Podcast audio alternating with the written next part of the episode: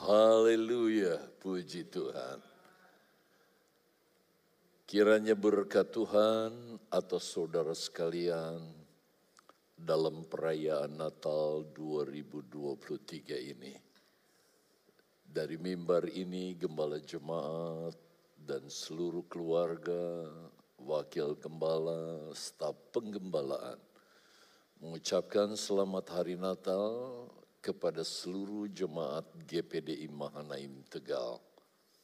Kiranya berkat Natal menghantar kita di tahun yang baru dengan kekuatan baru, kemenangan dari Tuhan menghadapi tantangan apa pun di akhir zaman ini.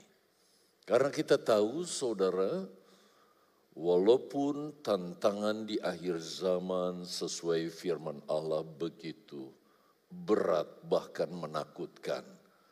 Tetapi kita punya Yesus yang lebih berkuasa.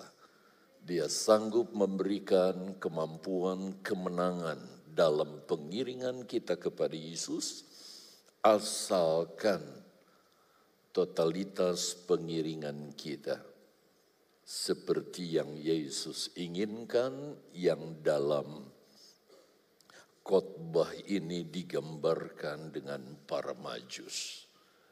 Nah, kemarin kita sudah membahas totalitas kasih dari Allah. Dan pagi hari ini mungkin khotbahnya tidak terlalu panjang seperti kemarin. Kelanjutan dari khotbah baik ibadah yang kedua maupun ketiga pada hari Minggu kemarin. Kelanjutannya bagaimana kita diluputkan dari tantangan Herodes. Kalau orang majus diluputkan dari tantangan Herodes, maka gereja di akhir zaman diluputkan dari antikristus. Mungkin saya memberi cuplikan sedikit dari khotbah kemarin sebab ibadah pagi dilayani oleh saudara Jeff di mana kita diingat ingatkan betapa pentingnya totalitas kekristenan kita atau totalitas dalam pengiringan kita kepada Yesus.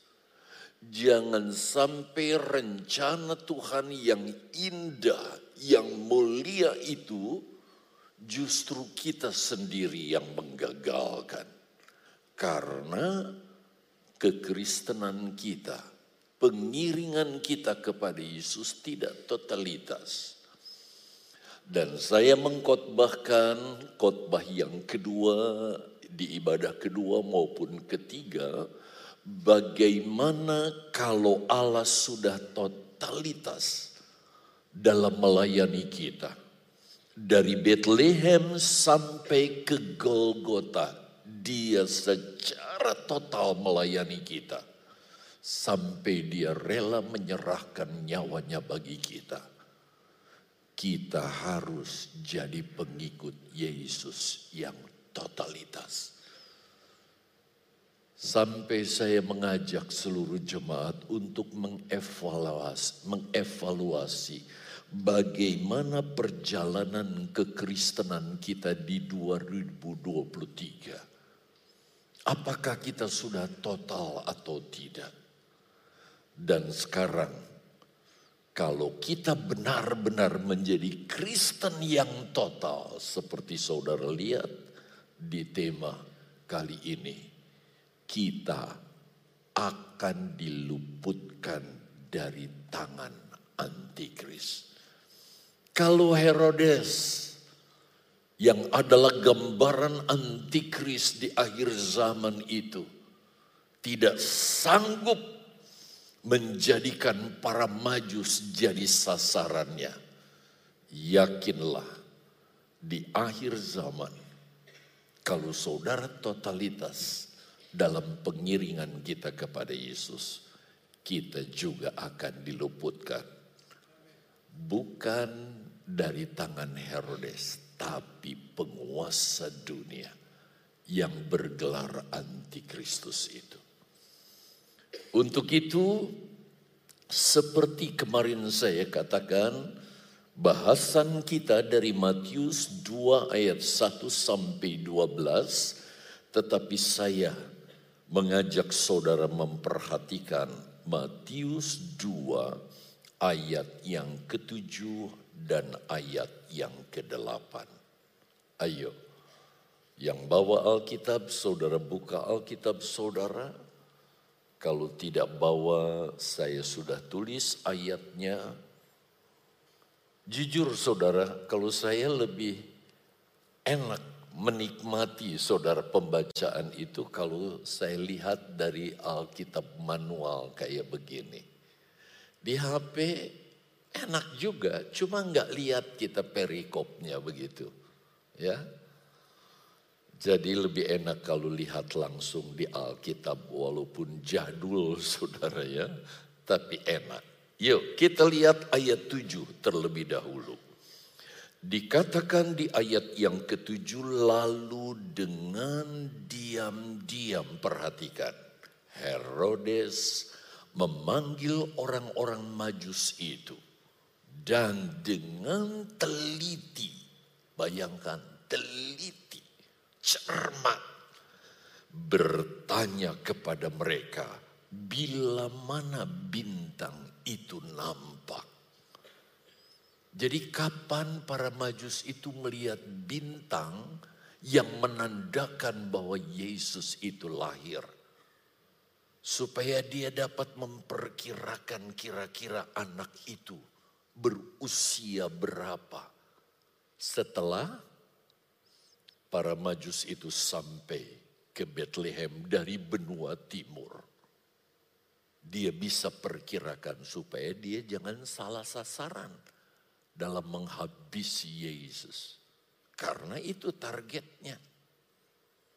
Sebab itu dia selidiki dengan teliti. Ayat 8. Kemudian ia menyuruh mereka, menyuruh para majus ke Bethlehem katanya. Pergi dan selidikilah dengan saksama hal-hal mengenai anak itu.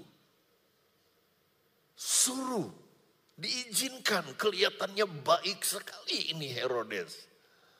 Selidiki anak itu dengan saksama. Terus perhatikan saudara. Dan segera sesudah kamu menemukan dia setelah ketemu yang namanya Yesus yang dicari para majus itu bahkan disembah karena dia adalah raja di atas segala raja. Kabarkanlah kepadaku. Ini kebohongannya Herodes. Lihat kalimat berikutnya. Supaya aku pun datang menyembah. Padahal tujuan Herodes bukan mau menyembah Yesus, tapi menghabisi Yesus kalau informasi itu disampaikan oleh para majus kepada dia. Bahkan para majus pun akan dihabisi. Karena dianggap para majus itu adalah para pengikut Yesus. Saya memberi sedikit gambaran tentang majus ini ya melalui ayat 8. Nanti saya jelaskan singkat saja. Jadi sekali lagi maaf kalau yang ibadah pagi nggak mendengar berita ini. Tetapi saya berharap cuplikan yang saya sampaikan kepada saudara sedikit membekali saudara Bagaimana saya sudah jelaskan kepada saudara bahwa totalitas kasih Allah kepada kita sebagai pengikut Yesus tidak hanya sampai saudara di Bethlehem saja. Tetapi totalitas kasih Yesus yang dinyatakan kepada saudara dan saya sampai ke Golgota. Sampai dia menyerahkan nyawanya. Sebab kalau dia tidak mati, saudara tidak selamat. Karena kematiannya menggantikan kematian kita. Seharusnya kitalah yang dihukum karena kita yang berdosa. Tetapi dia rela menanggung hukuman itu bagi kita. Dan Yesus tidak berakhir sampai di Golgota dalam membela saudara, dalam menolong saudara, dalam menyertai bahkan menyelamatkan kita. Dia menyertai kita sampai akhir zaman. Sampai ke depan nanti, manakala kita menghadapi akhir zaman, kita akan menghadapi tantangan yang besar. Jangan takut. Yesus secara, secara totalitas akan membela orang-orang percaya, khususnya kita yang hidup di akhir zaman ini. Tetapi masalahnya, saudara, bahwa orang-orang yang dibelanya itu orang Kristen seperti apa? Masih ingat kemarin? Bukan Kristen yang cuma sekedar jadi orang Kristen tapi Kristen yang totalitas dalam pengiringannya kepada Yesus.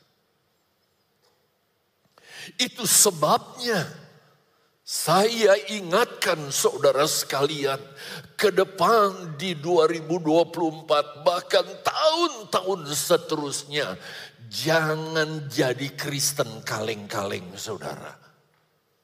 Cuma sekedar Kristen saja tetapi jadilah pengikut Yesus yang benar-benar totalitas. Kenapa? Karena di akhir zaman saya sudah sampaikan beberapa kali kepada saudara. Mungkin generasi kita khususnya generasi milenial saudaralah yang akan menghadapi si penguasa dunia yang bergelar antikris itu. Di mana dia akan menguasai dunia ini karena semua pemimpin-pemimpin negara di dunia akan mentaklukkan diri kepada dia. Sebab dia mendapat kekuasaan dari iblis begitu rupa. Seperti yang saya sudah bacakan kepada saudara dalam Wahyu 13 ayat 1 sampai 3. Bagaimana antikris mendapat kekuasaan penuh dari iblis untuk menguasai dunia sehingga seluruh pemimpin negara di dunia termasuk nanti presiden Indonesia juga di zaman itu akan tunduk. Dan orang ini akan bergelar mendapat gelar anti Kristus jelas ya dari katanya berarti dia anti kepada Kristus. Kenapa? Karena targetnya dunia ini, seluruh penduduk dunia akan tunduk kepada iblis dan dirinya dan menyembah iblis dan dirinya, diri antikris. Itu sebabnya seharusnya sih saya munculkan cuma waktu jua saudara bagaimana tanda-tanda yang menyatakan bahwa agama-agama akan ditaklukkan kepada yang satu ini. Semua agama sepakat nanti akan mengikuti metode cara penyembahan kepada Allah dengan cara mereka. Cara antikris Ini akan nyata. Dan saudara videonya ada. Di lain kesempatan saya akan tampilkan ini kepada saudara. Saya janji. Dan masa itulah yang disebut kesusahan yang besar. Masa tiga setengah tahun pemerintahan antikris. Yuk, tolong dibukakan saja ayatnya Wahyu pasal yang ketujuh ayat yang ke-14. Oh maaf, saya sudah tulis ayatnya. Ditampilkan saja. Jemaat memperhatikan, saya jelaskan sedikit. Maka kataku kepadanya, kata Yohanes kepada tua-tua yang menanyakan kepada dirinya. Yohanes berkata, Tuhan, Tuanku, Tuhan mengetahuinya. Lalu ia, tua-tua itu, berkata kepadaku, berkata kepada Yohanes. Perhatikan saudara kalimat ini mereka ini adalah orang-orang yang keluar dari kesusahan besar. Ternyata ada orang Kristen yang masuk ke dalam kesusahan besar, masa antikris, tapi mereka bertahan. Bahkan mereka rela mati asal tetap beriman kepada Yesus. Itu sebabnya mereka berdiri dengan jubah putih di hadapan tata Allah. Karena mereka lolos dari kesusahan besar ini. Itu sebabnya kalimat selanjutnya perhatikan. Dan mereka telah mencuci jubah mereka dan membuatnya putih di dalam darah domba, anak domba. Jadi mereka karena beriman kepada Yesus, bahkan rela dipenggal sekalipun asal beriman kepada Yesus. Dan ternyata mereka lolos. Mereka bangkit dengan tubuh yang baru. Dengan mengenakan jubah putih gambaran kesucian karena lolos dari masa antikris. Tetapi dengar jemaat baik-baik. Kalau kita jadi pengikut Yesus yang totalitas, kita tidak akan mengalami kesusahan yang besar. Karena ketika kesusahan yang besar itu datang dan antikris menguasainya, sebelumnya kita akan disingkirkan. Dengan catatan, jangan jadi Kristen kaleng-kaleng. Jangan jadi orang Kristen asal saja. Tapi jadilah pengikut Yesus yang totalitas. Totalitas kasih Yesus kepada kita umatnya telah dinyatakan dan tidak berhenti hanya sampai di kayu salib. Tetapi dia akan menyertai kita sampai di akhir zaman dengan catatan sekali lagi. Kalau kita mau lolos dari itu, jadilah pengikut Yesus yang totalitas roh, jiwa, dan tubuh. Bahkan saya daftarkan kemarin dari iman, pengiringan, penyembahan, penurutan kita, kesetiaan kita dalam pengiringan kita kepada Yesus.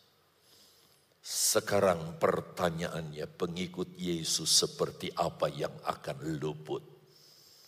Saya sudah katakan kalau kita menjadi pengikut Yesus yang benar-benar totalitas.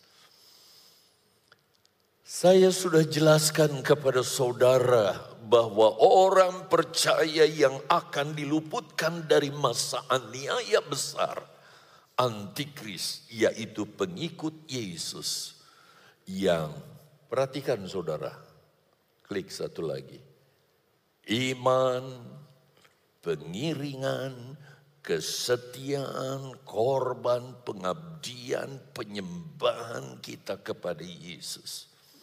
Sama seperti yang dilihat, diperlihatkan oleh para majus kepada Yesus.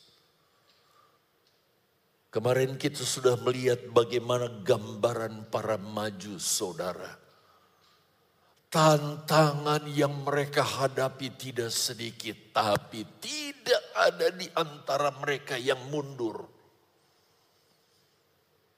Mereka tetap mengikut bintang itu sampai bintang itu menyatakan di mana Yesus itu lahir.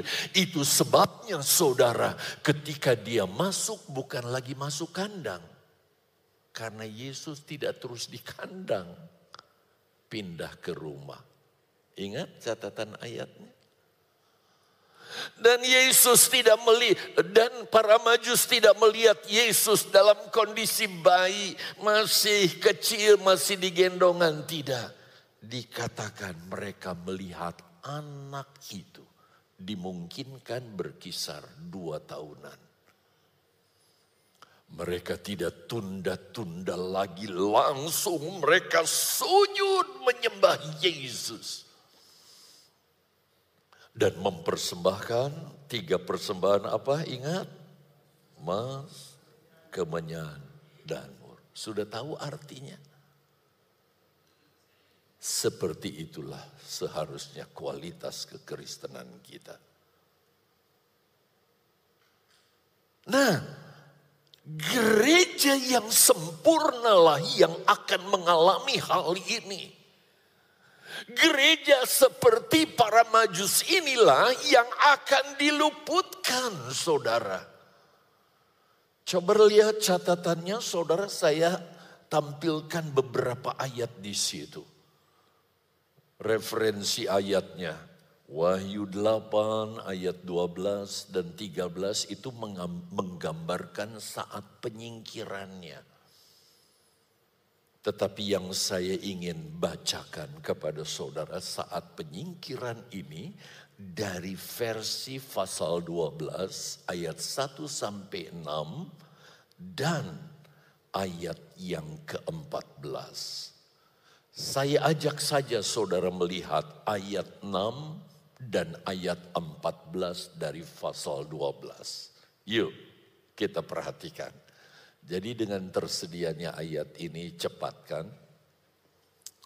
Dikatakan perempuan itu siapa yang dimaksud perempuan itu?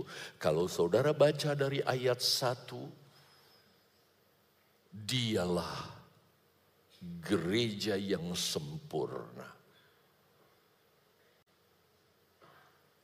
Yang nanti akan bersanding dengan Yesus lalu dia akan dibuahi. Sampai pada akhirnya melahirkan anak laki-laki. Jadi kalau ada yang menerjemahkan perikop ini adalah Maria saudara itu keliru besar. Itu perempuan gambaran gereja yang sempurna. lari ke padang gurun. Dia lari ke padang gurun. Untuk apa? Untuk meluputkan diri dari antikris yang akan memangsa mereka.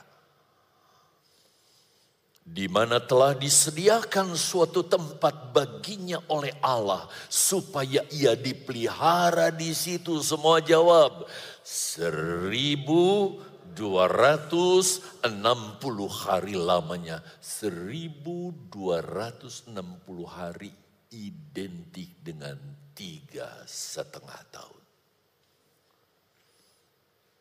Lebih diperjelas.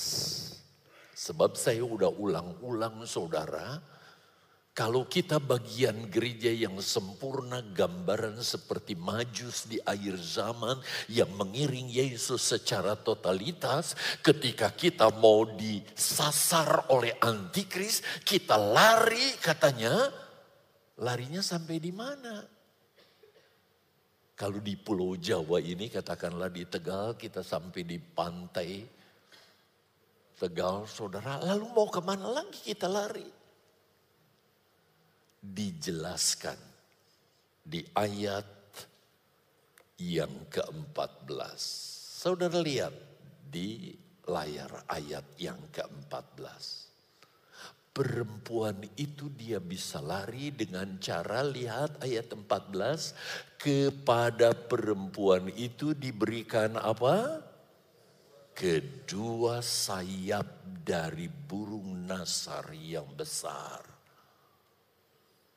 Nyanyian ini harusnya terus dinyanyikan oleh GPDI Mahanaim. Oh Tuhan, berikanlah.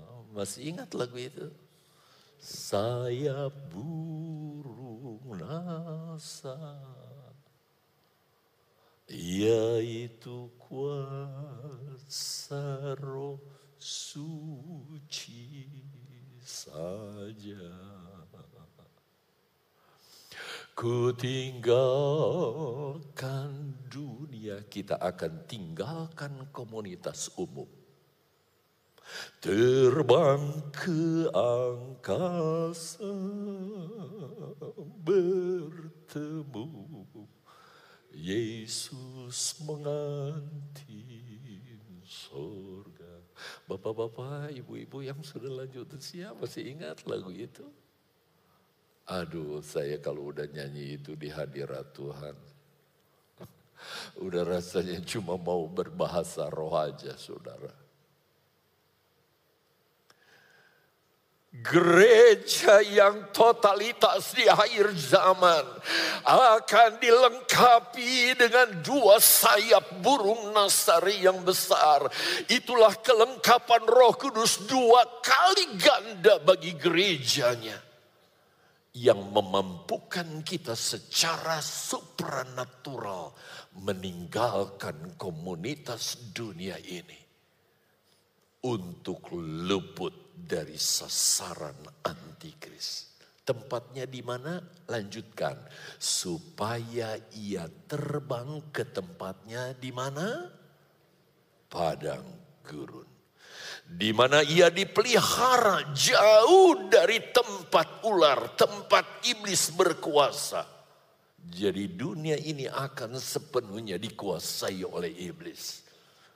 Selama berapa lama? Semua jawab satu masa, dua masa, dan setengah masa. Tadi 1260 hari. Sekarang hitungan tahun. Tiga setengah tahun. Cuma gereja yang totalitas dalam pengiringannya yang akan mengalami ini. Karena mereka pasti dilengkapi dengan kuasa roh kudus. Yang akan memampukan mereka lari dengan cara supranatural. Untuk berkumpul di satu tempat di mana Allah akan pelihara kita begitu rupa. Jadi untuk membahas tentang orang majus ini saya ajak saudara pelajari tentang para majus ini yang menjadi gambaran gereja sempurna di akhir zaman yang akan diluputkan. Jadi saudara saya harus berkata terbuka saja, enggak semua orang Kristen akan diluputkan. Itu sebabnya bukan saatnya lagi kita jadi orang Kristen yang cuma asal-asalan ke gereja. Apalagi cuma saudara momen tertentu saja. Kita mau jadi pengikut Yesus yang benar totalitas. Itu sebabnya mari kita baca ayat pokok dalam ayat yang ketujuh. Saya ingin mengangkat lagi ayat ini ayat pokok kita. Lihat ayat yang ketujuh. Lalu dengan diam-diam Herodes memanggil orang-orang Majus itu dan dengan teliti bertanya kepada mereka, bila mana bintang itu nampak? Kalau saat itu Herodes yang secara langsung menanyai saudara para majus untuk menjebak para majus supaya bisa diperangkapnya dan menjadi sasaran dari antikris itu. Tetapi di akhir zaman, antikris akan begitu banyak memiliki kaki tangan. Sebab antikris bukan Allah yang omnipresent yang bisa ada di mana-mana. Enggak. Kalau dia ada di Tegal, dia enggak ada di Jakarta, enggak ada di Surabaya. Tapi dia punya kaki tangan yang ingin menjebak gerejanya. Tapi sekali lagi, jemaat yang totalitas dia tidak akan terkecoh. Karena hidupnya benar-benar di bawah pimpinan roh kudus. Dalam penyertaan Allah begitu rupa. Pindah ke ayat 8. Sengaja saya beri tanda untuk kalimat ini. Lihat Kemudian ia menyuruh mereka ke Bethlehem katanya, perhatikan, pergi dan selidikilah dengan saksama hal-hal mengenai anak itu, hal-hal mengenai Yesus. Dan segera sesudah kamu menemukan dia, kabarkanlah kepadaku supaya aku pun datang menyembah dia Saudara begitu manis mulutnya. Sehingga para majus luar biasa, raja wilayah Yudea ini menyambut aku beri petunjuk, bahkan mengerahkan kami begitu rupa hebat. Padahal inilah kinerja antikris dia akan memiliki begitu banyak pengikut si pendusta semuanya, saudara. Dijauhkan Tuhan ya kita dari masa ini. Dan sekali lagi bukan saya nakut-nakuti, saya beritakan apa yang firman Allah katakan dan itu pasti digenapi secara tidak sadar, secara umum kita digiring ke masa ini. Siapa mau bisa lari dari masa? Dari waktu. Saudara mau lari dari waktu? Nggak bisa. Mau tidak mau tidur malam besok kita masuk ke hari yang baru. Kita digiring oleh masa. Tetapi hanya Yesus yang bisa menyingkirkan gerejanya. Kalau kita totalitas. Kalau kita totalitas dalam pengiringan kita kepada Tuhan. Itu sebabnya tidak berlebihan bila kisah tentang para majus dan Herodes ini kita analogikan. Yuk, satu, saya sudah jelaskan tadi. Dalam kasus tentang keadaan akhir zaman, maka saudara, kisah tentang orang Majus dan Herodes ini gambaran gereja yang totalitas dengan penguasa dunia. Saat itu penguasa dunianya dalam ruang lingkup saudara di bawah pimpinan Herodes. Saudara perlu ketahui bahwa Herodes itu dia bukan penguasa yang mutlak punya kekuasaan. Dia juga tunduk di bawah kekuasaan di atasnya, yaitu pemerintah Romawi. Demikian juga antikris walaupun dia sebagai penguasa dunia pada zamannya nanti. Tapi dia ada di bawah kekuasaan iblis. Sehingga analogi ini persis tepat sekali saudara. Saya bersyukur kepada Tuhan, Tuhan bukakan rahasia ini. Herodes adalah seorang yang sangat kejam. Tidak memiliki belas kasihan. Itulah figur antikris yang menjadi penguasa dunia di akhir zaman.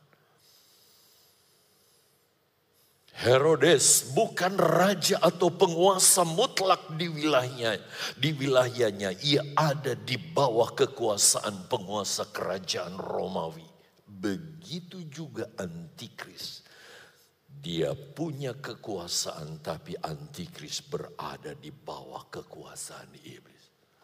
Antikris bisa melakukan semuanya. Tapi dia harus tunduk kepada iblis karena dia mendapat kuasa dari iblis. Yang kedua, Para majus gambaran gereja sempurna. Dalam Matius pasal 2 ayat 78 saya sudah jelaskan kepada saudara.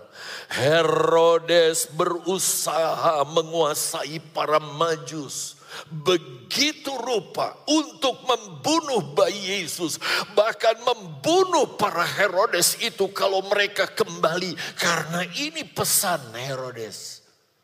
Kalau kamu sudah berjumpa, datang temui aku. Ceritakan semuanya, karena dengan munafiknya dia berkata, aku juga akan datang menyembah anak itu seperti kalian. Padahal tujuannya untuk menghabisi Yesus.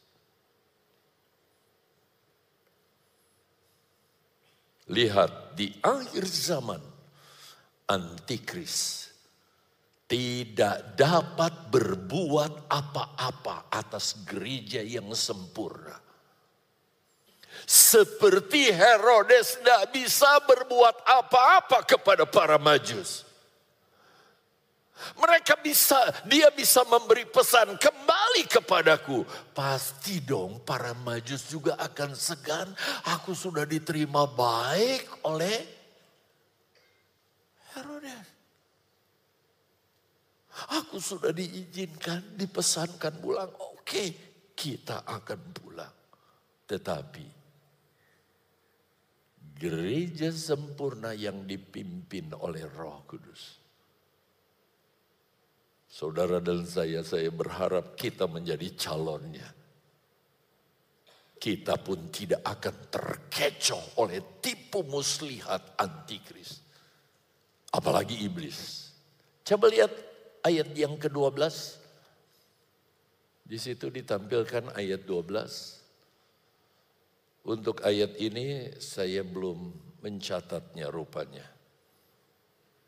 Bisa ditampilkan Matius 2 ayat yang ke-12. Ini dia.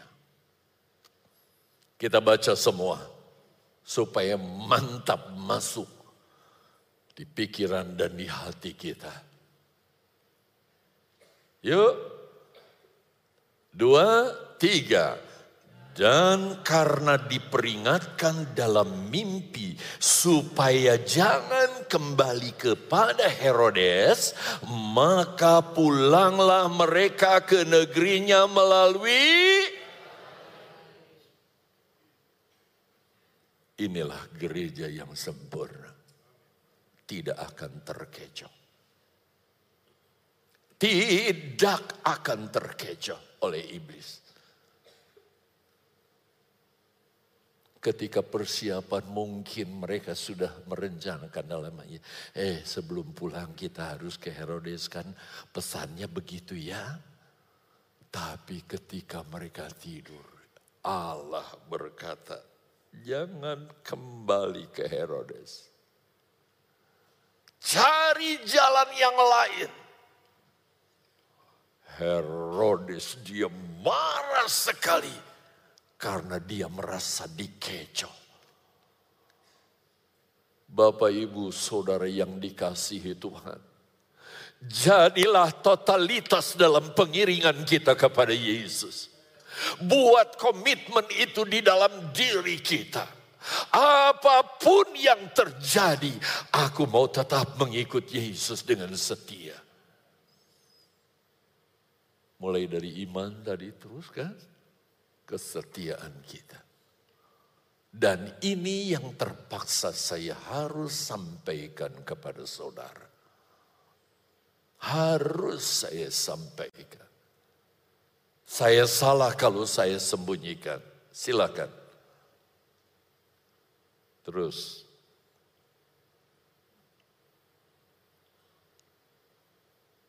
Anak-anak. Kalau di kisah para majus jadi mangsa Herodes. Tetapi ini memberi gambaran kepada kita.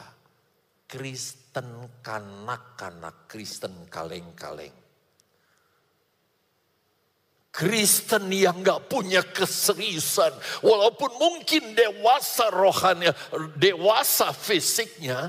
Tetapi kekristenannya kanak-kanak. Akan menjadi mangsa antikris.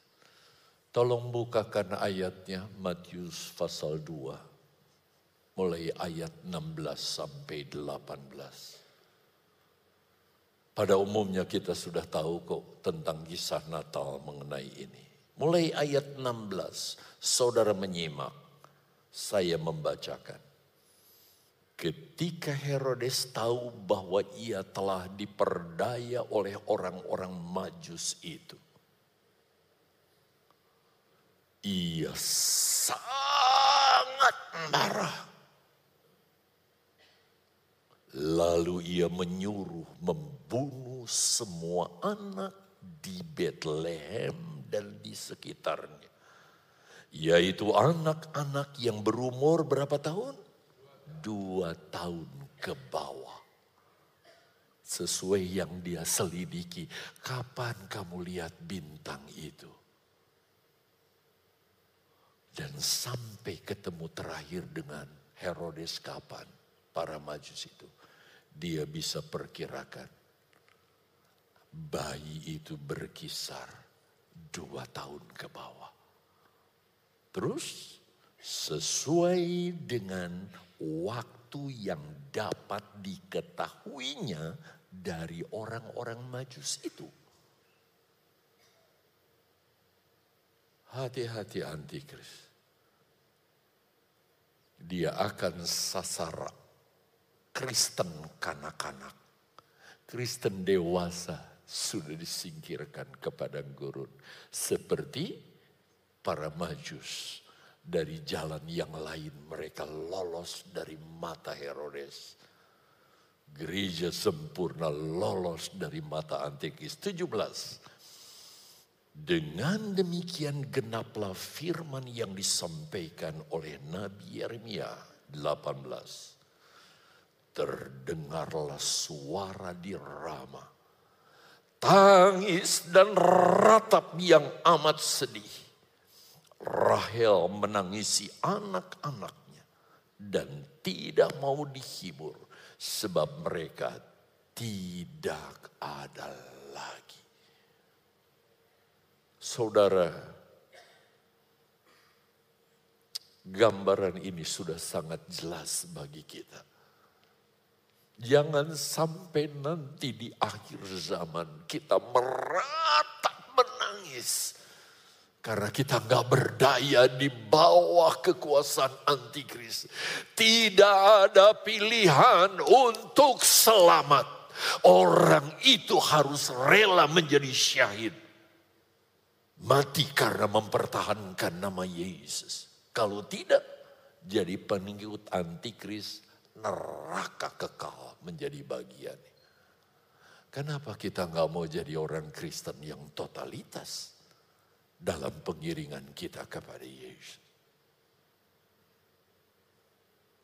Biarlah tahun ini menjadi tahun start kita. Di 2024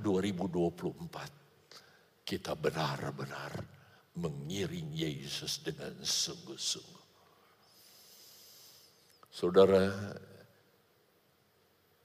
kita patut bersyukur kepada Tuhan ya. Di perayaan Natal, ibadah Natal kemarin dan perayaan Natal, kita dapat pesan untuk kita benar-benar menjadi pengikut Yesus yang totalitas. Sebab itu kita mau bersyukur kepada Tuhan untuk kebaikannya lewat pesan firman Allah yang begitu berharga buat kita. Terserah kalau saudara mau cuek, ah itu bisa-bisanya pendeta. Tapi saudara akan menyesal ketika mengalami ini. Tapi kita bukan menjadi orang yang menolak firman Allah. Kita mau ikuti firman Allah dengan sungguh-sungguh. Saudara tetap di hadirat Tuhan. Kita mau memuji Tuhan. Pujian dan syukur ku bawa padamu. Dengan kerendahan hati kita mau datang kepada dia pagi hari ini. Haleluya.